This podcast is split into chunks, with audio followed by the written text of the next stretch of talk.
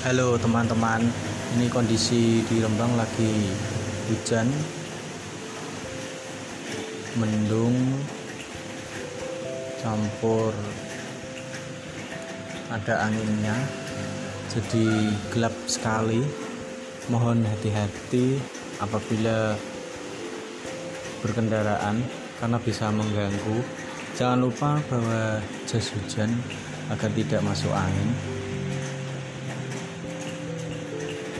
Tetap selalu jaga kesehatan karena besok kita masih bekerja lagi sesuai rutinitas yang biasa kita lakukan. Intinya jangan selalu memaksakan diri untuk